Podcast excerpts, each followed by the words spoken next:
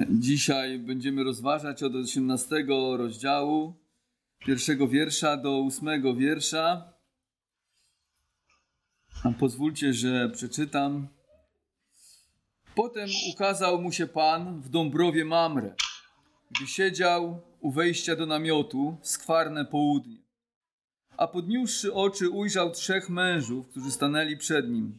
Ujrzawszy ich, wybiegł od wejścia do namiotu na ich spotkanie i pokłoniwszy się aż do ziemi rzekł: Panie, jeślim znalazł łaskę w oczach Twoich, nie omijaj proszę sługi swego. Pozwól, by przyniesiono trochę wody, abyście obmyli nogi wasze. Potem odpocznijcie pod drzewem. Przyniosę też kawałek chleba, abyście się posilili. Wszak po to wstąpiliście do sługi waszego. Potem możecie pójść dalej. Wtedy oni rzekli: Uczyń tak, jak powiedziałeś. I pośpieszył Abraham do namiotu, do Sary i rzekł: Rozczyń szybko trzy miary wybornej mąki i zrób placki. Potem pobiegł Abraham do bydła, wziął młode, delikatne i dobre ciele i dał je słudze, który śpiesznie je przyrządził. Wziął także masło, mleko i ciele, które przyrządził i postawił przed nimi. Sam stanął przy nich pod drzewem, a oni jedli. Panie, dziękuję Ci za te słowa i proszę Cię, abyś też błogosławił, pomagał nam zrozumieć, pomóż mi zwiastować. Amen. Drodzy, w zeszłym roku e, jeden z pastorów naszego kościoła miał okazję gościć na obiedzie u siebie w domu prezydenta Rzeczypospolitej Polskiej. Z pewnością taka wizyta zostanie na długo zapamiętana przez jego rodzinę. Prawdopodobnie całe życie będą pamiętać, że mieli okazję mieć u siebie na obiedzie prezydenta. Ale wyobraź sobie, że ty dostałbyś informację, że za tydzień w twoim domu na obiedzie chciałby pojawić się prezydent. Zadzwoniono by do ciebie z kancelarii prezydenta. Z początku pewnie byłoby niedowierzanie. Na pewno o mnie chodzi? Tak, na pewno chodzi o ciebie. Prezydent chce ciebie odwiedzić. Taka propozycja wywołałaby konsternację, a może nawet panikę. Myślałem sobie o tym, jakbym ja otrzymał taki te telefon. Jak przyjąć takiego gościa? Co zrobić na obiad? Co zmienić w mieszkaniu? Czy będzie się dobrze czuł? Czy nie naraży się na jakiś wstyd? W Stanach Zjednoczonych prezydent Jimmy Carter miał zwyczaju regularnie odwiedzać domy swoich rodaków, by w ten sposób pokazać, że jest blisko zwykłych Amerykanów. Co pewien czas ktoś z Amerykanów dostawał właśnie taki telefon. Dzwoniono do niego z Białego Domu, że odwiedzi go prezydent Stanów Zjednoczonych. Niesamowite, niesamowity przywilej. Gościć prezydenta, wielkie wydarzenie. A gdyby miał odwiedzić nas jeszcze większy gość niż prezydent Stanów Zjednoczonych, sam Pan z dwoma aniołami, jak w przypadku Abrahama, to jak zostałby przyjęty? Czy czułby się dobrze w naszym domu? Czy zostałby odpowiednio ugoszczony w taki sposób, że chciałby jeszcze do takiego domu wrócić?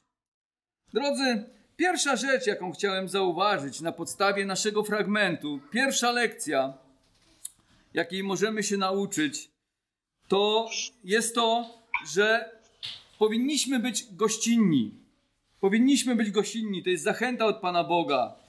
Abraham był gościnni, gościnny dla tych, przybysz, dla tych przybyszów i my powinniśmy być gościnni jedni dla drugich. Widzimy, że niedługo po tym czasie, gdy Bóg przypomniał Abrahamowi dane mu wcześniej obietnice, ukazał mu się kolejny raz. Potem ukazał mu się Pan w Dąbrowie Mamre, gdy siedział u wejścia do namiotu w skwarne południe. Po kilku miesiącach miał kolejną wizytę Pana Boga. Wcześniej miał e, nie taką fizyczną wizytę, tylko Pan Bóg przemówił do niego, ale teraz ukazał mu się Pan w osobie człowieka. To więc widzimy, że Bóg odwiedza go. Abram odpoczywa w swoim domu w gorące południe. I gdy zobaczył idących w jego stronę gości, gdy ich ujrzał, wybiegł im naprzeciw. Okazał im szacunek i zaprosił ich do swojego domu, oferując im odpoczynek i posiłek. czytamy a, tak, a podniósłszy oczy ujrzał trzech mężów, którzy stanęli przed nim. Ujrzawszy ich, wybiegł od wejścia do namiotu na ich spotkanie i pokłonił się aż do ziemi. Rzekł, Panie, jeślim znalazł łaskę w oczach Twoich, nie omijaj, proszę, sługi Twego. Nie wiem, czy Abram wiedział, że to Pan go odwiedził. Zastanawiałem się nad tym, nie jest to nigdzie napisane. Wydaje mi się, że w jakiś sposób to przeczuwał, bo w niezwykły sposób powitał tych gości, pokłonił się aż do ziemi. Wydaje się, że było to aż nadzwyczaj wielkie powitanie dla gości, niż, więc w jakiś sposób mógł przeczuwać, że to nie byli zwykli goście, ale ludzie, którzy rzeczywiście albo są od Boga, albo mają mu coś do przekazania. To więc Abram jest tutaj bardzo gościnny. Życzliwość, jaką obdarzał, obdarzył przybys, przybyszów, jest dla nas przykładem, jak powinniśmy innych przyjmować. Pomimo już podeszłego wieku Abrahama, starał się jak najlepiej przyjąć ich. Był dla nich miły, dobry, uprzejmy i chciałby czuli się komfortowo w jego domu. To jest człowiek stuletni, a biega tam wokół tych ludzi, prawda? Widzimy, że biegnie do Sary, później biegnie do sługi, żeby przyrządzić ciele. Stulatek. To więc uwija się szybko. W wyniku swej otwartości i gościnności Abraham mógł mieć przy swoim stole najważniejszego z gości we wszechświecie, samego Boga. Słowo Boże zachęca nas do gościnności wobec siebie nawzajem i innych. Istnieje polskie przysłowie, które jak najbardziej jest prawdziwe, a coraz częściej bywa zapomniane. Gość w dom. Bóg w dom. Mamy chyba nawet tutaj tabliczkę, która wisi. Chodzi w tym przysłowiu o to, że Panu Bogu podoba się, gdy nasz dom jest domem otwartym. Gościnność bowiem wyraża naszą otwartość na drugiego człowieka. Jest to możliwość do okazania miłości naszym bliźnim. W ten sposób naśladujemy Boga, który jest dobry i gościnny dla wszystkich ludzi. Wszyscy bowiem korzystamy z dobroci i pomyślności naszego Pana, który jest właścicielem czego? Czego on jest właścicielem? Całej ziemi. Biblia mówi, że on jest właścicielem całej ziemi. Do niego należy ziemia, po której stąpamy, woda, którą pijemy, chleb, który jemy i powietrze, którym oddychamy. Wszystko to należy do Pana, ale gościnny jest dla nas. Też dla ludzi złych i niewierzących, nie tylko dla wierzących, ale dla takich, którzy w ogóle go nie kochają, a nawet bluźnią mu. W Psalmie 24, wierszu pierwszym czytamy, że Pańska jest ziemia i wszystko, co ją napełnia. Wszystko, co jest na ziemi, należy do Pana. Ale Bóg jest gościnny, daje ludziom chleb, daje ludziom powietrze, daje ludziom wodę. Panu Bogu podoba się, gdy my jesteśmy przychylni i życzliwi wobec innych, szczególnie wobec naszych braci i sióstr, ale nie tylko, też wobec obcych. Łatwo jest przyjąć brata czy siostrę, ale trudniej jest przyjąć obcych. W ten sposób dajemy świadectwo tego, jak łaskawie i życzliwie przyjął nas Chrystus, więc i my powinniśmy nawzajem się przyjmować. Autor listu do Hebrajczyków wzywa nas do gościnności, najwyraźniej mając na myśli nasz dzisiejszy fragment. Pamiętacie 13 rozdział, drugi wiersz? Otwórzmy, zobaczmy, co mówi autor listu do Hebrajczyków. 13 rozdział, drugi wiersz. Gościnności nie zapominajcie, przez nią bowiem niektórzy, nie wiedząc o tym, aniołów gościli. Nie zapominajcie gościnności, mówi Słowo Boże. Niech wasze domy będą otwarte na innych ludzi. Widzimy, że przez życzliwość i gościnność Bóg nawet dał przywilej i łaskę gościć samych aniołów, jak w przypadku właśnie Abrahama.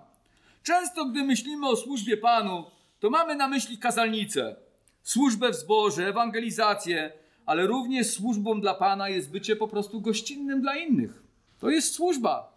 Gdy otwierasz swój dom, Służymy Panu, gdy yy, otwieramy swój dom na spotkania biblijne, kiedy zapraszamy innych na obiad, kawę, dajemy komuś nocleg i sprawiamy, że ktoś czuje się dobrze przyjęty.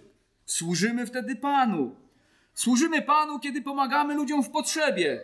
Tak jak powiedziałem, nie tylko swoim. Łatwiej jest po, pomóc swoim, trudniej jest pomóc, pomóc obcym, ludziom, których nie znamy. I ta myśl znajduje się właśnie w słowie gościnność. W liście do Hebrajczyków to słowo gościnność to jest greckie słowo filoksenia, czyli miłość do nieznajomych. Gdybyś prześledził to słowo, to byś zobaczył, że chodzi o miłość do nieznajomych.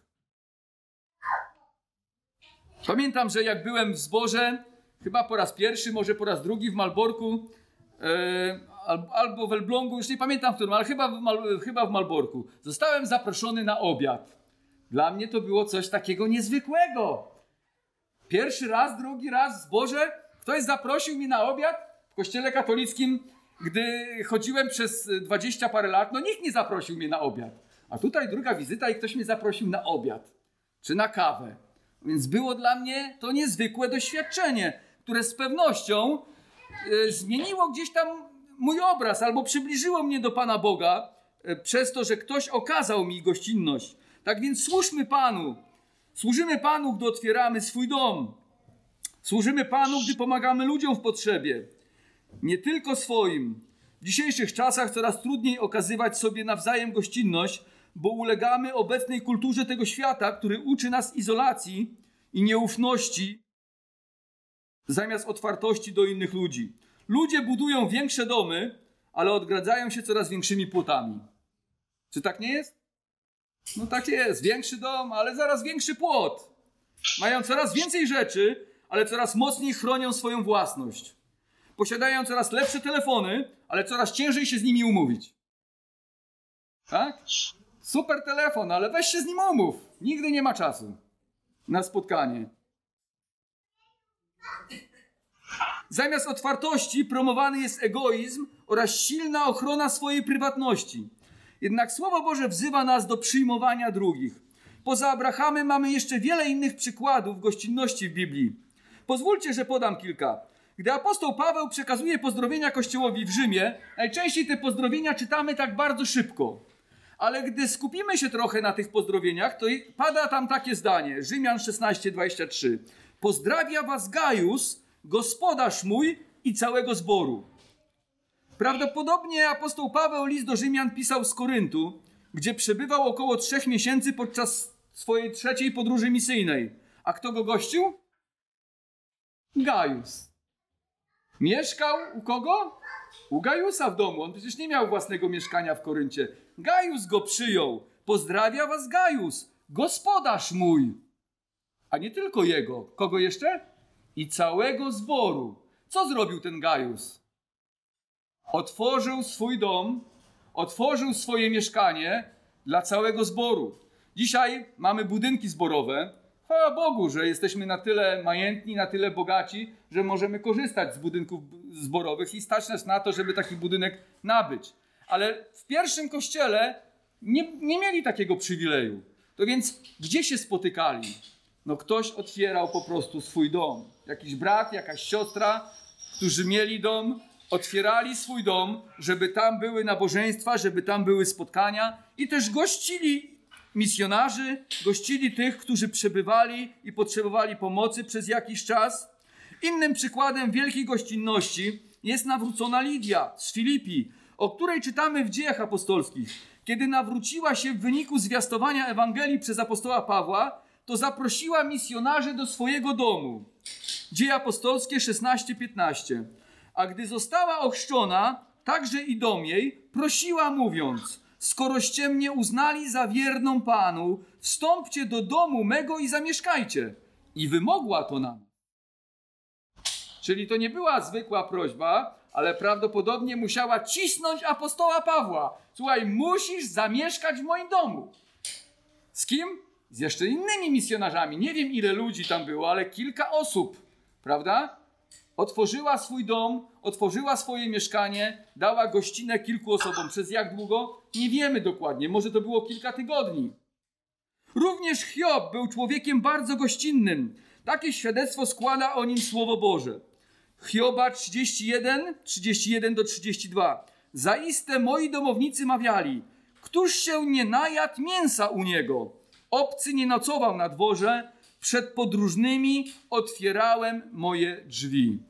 Któż się nie najadł u Hioba? Co za dom? Jak ktoś był głodny, to mógł iść do Hioba i tam u Hioba otrzymał posiłek, otrzymał jedzenie. Jak ktoś nie miał noclegu i był tam gdzieś w pobliżu, to pewnie jak zapukał do Hioba, Hiob przyjął go i dał mu gościnę. Przed podróżnymi otwierałem moje drzwi. Czasami nie zdajemy sobie sprawy, jak wiele dobrego możemy uczynić przez prosty gest przyjęcia kogoś w nasze cztery ściany, okazania mu serca, ugoszczenia go. W ten sposób możemy się zachęcać, podnosić na duchu, lepiej poznać, zbudować silniejsze więzi i sprawić, że inni poczują się lepiej.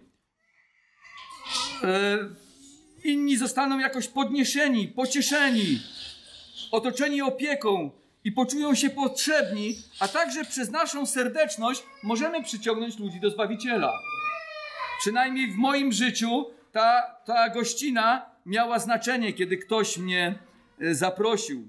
Pewien znany hinduski ewangelista, Bak Singhu, mówi o tym, że w procesie jego nawrócenia ważna była wizyta w domu chrześcijańskiego kolegi, którego rodzice zaprosili do siebie na weekend. Nie wiem, czy zauważyliśmy, ale nasz Pan powiedział, że gdy przybędzie, postawi wszystkie narody przed sobą, a to, czy udzielaliśmy komuś gościny, będzie miało znaczenie przed nim. Czytamy o tym w 25 rozdziale Mateusza, 35 wiersz. Mateusza 25, 35. Ale bowiem łaknąłem, a daliście mi jeść. Pragnąłem, a daliście mi pić. Byłem przychodniem, a przyjęliście mnie. Wtedy tamci wiemy, że pytają, kiedy to się wszystko stało, kiedy go przyodziali, nakarmili, czy przyjęli. A wtedy Pan odpowiedział, że wtedy, kiedy służyli innym, wtedy, kiedy służyli jego braciom, siostrom, kiedy przyjmowali przybyszów, to więc wtedy, kiedy udzielali gościny, wtedy służyli samemu Jezusowi Chrystusowi. Czy myślałeś o tym, że służbą w zborze może być gościnność? Po prostu otworzyć swój dom. Niby niewiele, a jednak tak dużo. Jednak Pan chce tego od nas, aby nasze domy nie tylko służyły nam, ale po prostu służyły Jemu też, dla Jego chwały. Czy my otwieramy swoje domy, którymi obdarzył nas Pan dla innych?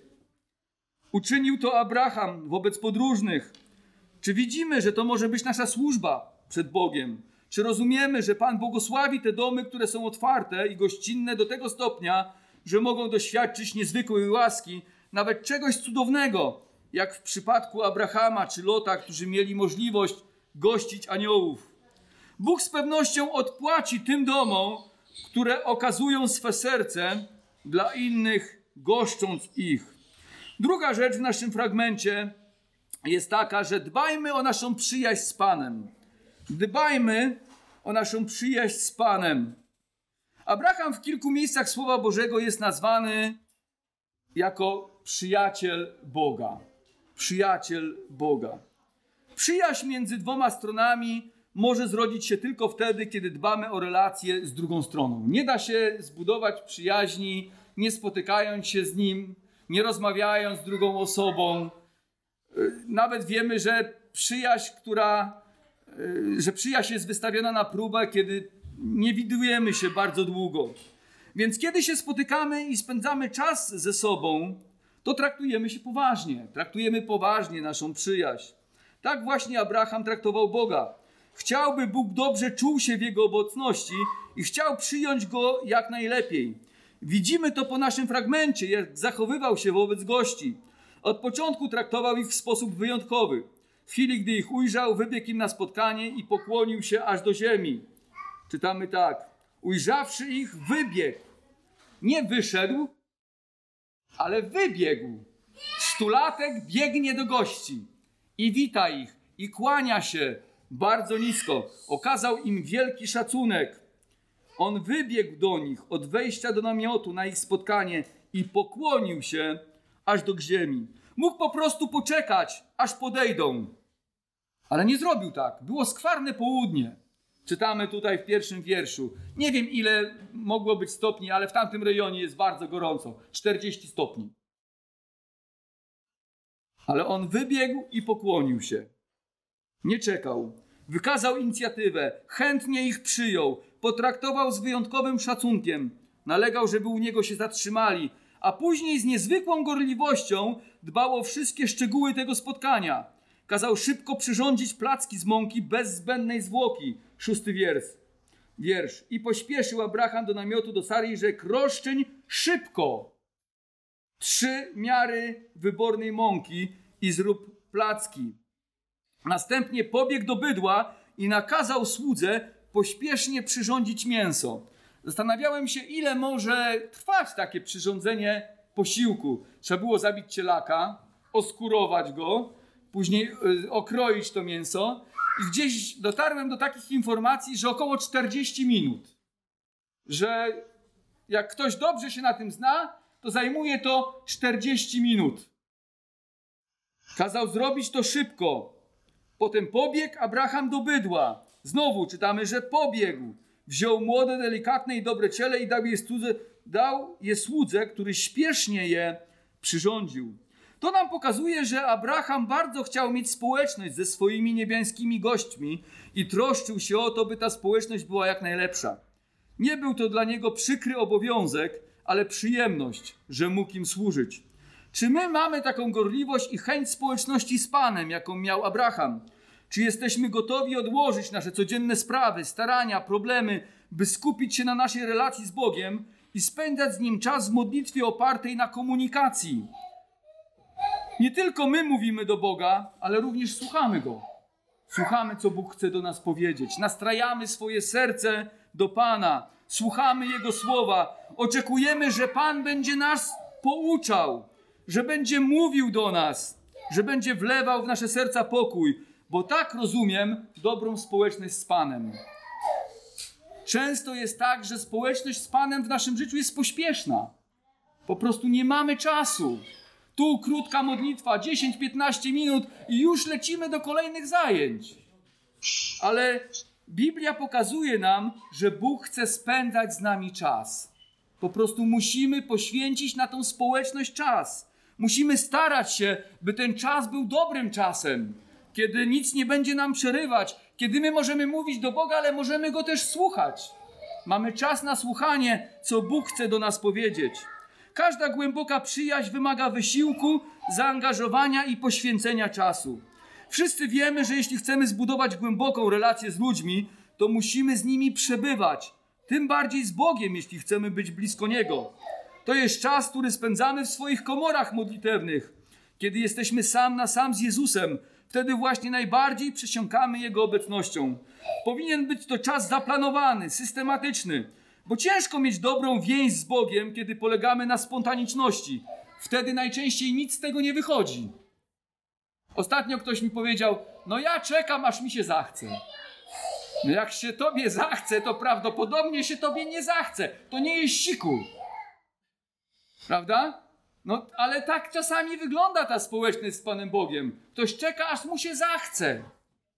Częściej mu się nie zachce. Musimy dbać o systematyczność w naszym życiu. Bo jeśli, dbamy, bo jeśli nie dbamy o to, to najczęściej nic z tego nie wychodzi. Być może kiedyś byliśmy bardzo gorliwi jak Abram i śpieszyło się nam do spędzania z Bogiem czasu. Ale z czasem nasza gorliwość osłabła i obecnie zaniedbujemy nasze społeczności z Panem. Jeśli tak, należy do tego wrócić, odświeżyć tą relację. A jeśli nie było takiej praktyki w naszym życiu, zachęcam Cię, by ją wprowadzić. Wtedy poznamy naszego Pana lepiej, głębiej. Wtedy, czym częściej będziemy i czym dłużej spędzać z Nim czas, wierzę, że tym bardziej będziemy tęsknili za tą społecznością. Dlaczego wiem, że tak jest? Bo tak jest w relacji przyjaźni. Czym częściej spędzamy ze sobą czas, czym częściej ze sobą rozmawiamy z przyjaciółmi, czym bardziej się im zwierzamy, tym lepiej, tym częściej chcemy z nimi być. Nie możemy mieć skutecznej służby dla Boga, jeśli nie mamy z Panem więzi. Widzimy, że Abraham ewidentnie chciał, by niebiańscy goście czuli się komfortowo. Szybko przyrządził posiłek, obmył ich nogi z kurzu i stał przy nich, czekając, czy czegoś mogliby jeszcze potrzebować. Stał jak sługa przy drzewie, oni jedli, a on stał przy nich i czekał, czy coś mógłby jeszcze dla nich zrobić. Jak my możemy sprawić, by Bóg czuł się dobrze w naszej obecności? Po pierwsze, jak powiedziałem, musimy dbać o społeczność, by była budująca i rozwijała się. Powiedzieliśmy sobie o modlitwie, ale to nie wystarczy. Po drugie, należy dbać o nasz stan moralny i trzymać się daleko od tego, co Bogu się nie podoba. Nie możemy mieć dobrej więzi z Panem, jeśli chodzimy w grzechu. Po prostu musimy dbać o to, żeby chodzić w czystości przed Bogiem.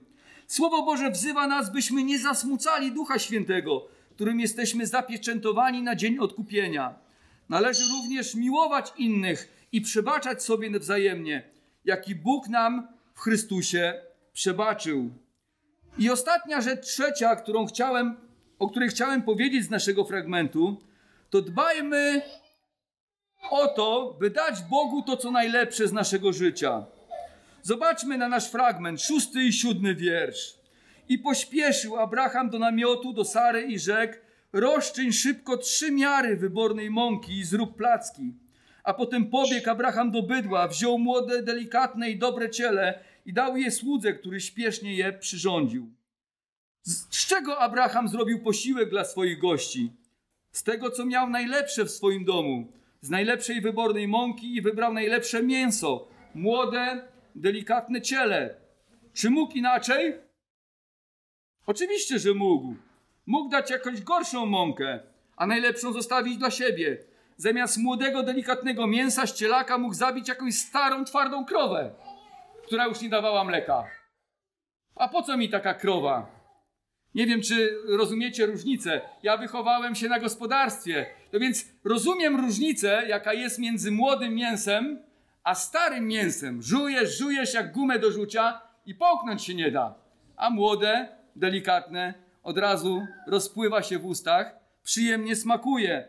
Więc Abraham dał najlepsze mięso, najlepszą mąkę.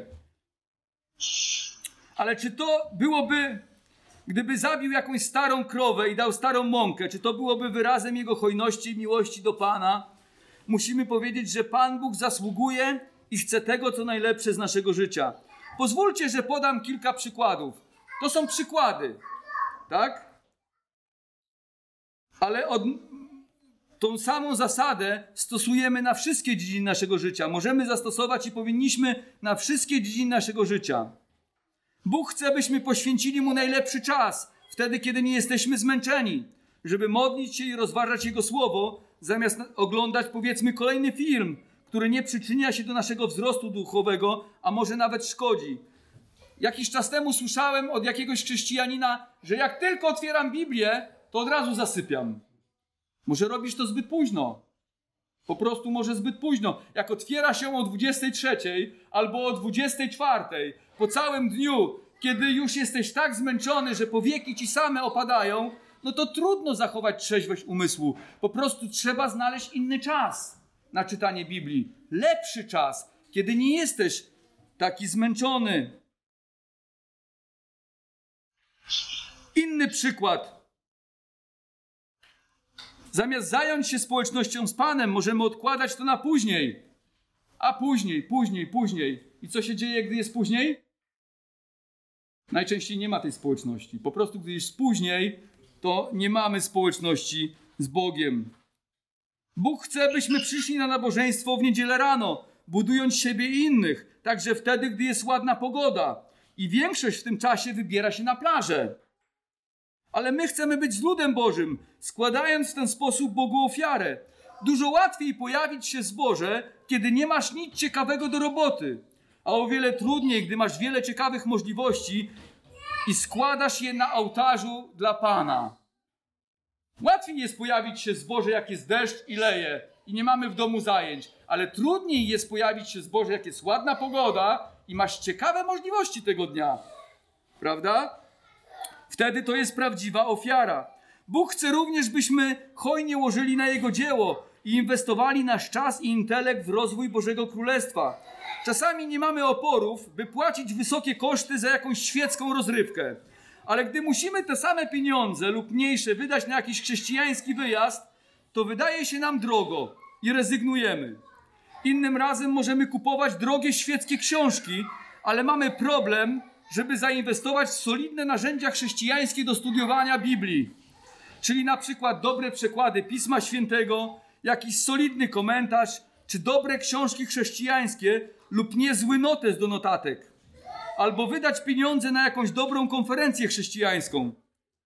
Zasada, że ci, którzy kochają Pana, powinni dawać Mu ze swego życia to, co najlepsze, jest wiele razy wspomniana w całej Biblii.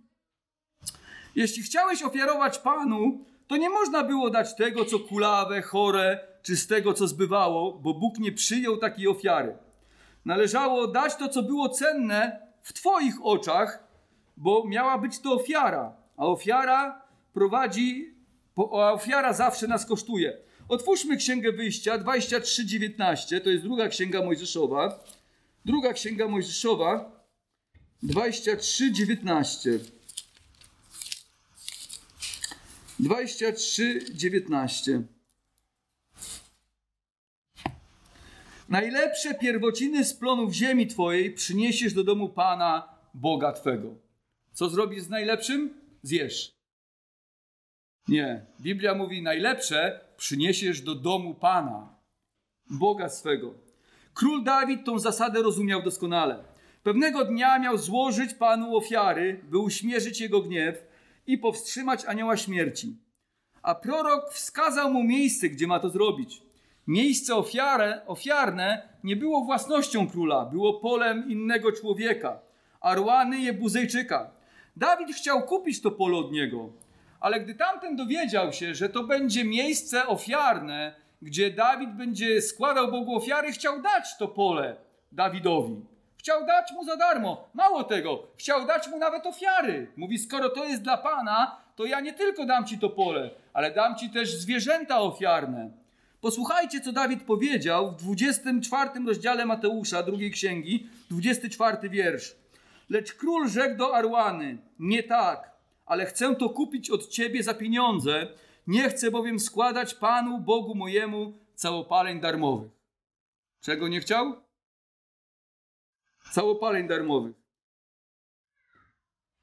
Czasami ludzie przynoszą do zboru rzeczy, ale przynoszą takie, które są bardzo zużyte i do niczego się nie nadają. Ile razy to w jakimś zborze było tak, że trzeba było wywalać na śmietnik?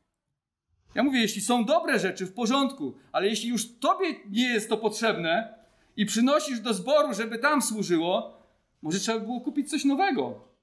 Po prostu i niech to będzie ofiara dla Pana. Jeśli tobie nie jest potrzebne, dlaczego miałoby być potrzebne Panu? Nie chcę bowiem składać Panu Bogu mojemu całopaleń darmowych, mówił Dawid. W miejscu tym później postawiono świątynię, gdzie tam złożono ofiary, by czcić w niej Pana. To więc nie starajmy się składać Panu ofiar, które nic nas nie kosztują. Abraham chciał dać to, co najlepsze, co zyskałoby upodobanie u Pana. Najlepszą mąkę i najlepsze cielątko.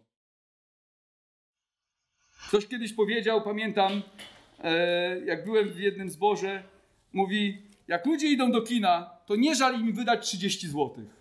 Ale jak mają dać na ofiarę, no to żałują, prawda? I nie są gotowi dać. Czy my dajemy Panu to, co najlepsze z naszego życia? Podsumowując, po pierwsze, chrześcijanin powinien być gościnny, jak był gościnny Abraham. Należy traktować to jak służbę dla Pana. Bogu podoba się postawa otwartości na innych, nie tylko na naszych, ale również na obcych. Przez to możemy również pozyskać niewierzących dla Boga. Po drugie, Dbajmy o naszą przyjaźń z Panem, jak dbał Abraham. Jest zaszczytem w tym świecie przyjaźnić się z kimś ważnym, z prezydentem lub ważnymi przedstawicielami władzy. Ale każdy chrześcijanin ma przywilej przyjaźnić się z najważniejszą osobą we wszechświecie, z Bogiem przez wiarę w Jezusa. Ale musimy o tę przyjaźń dbać. Żeby rzeczywiście była to relacja, to musimy o to dbać.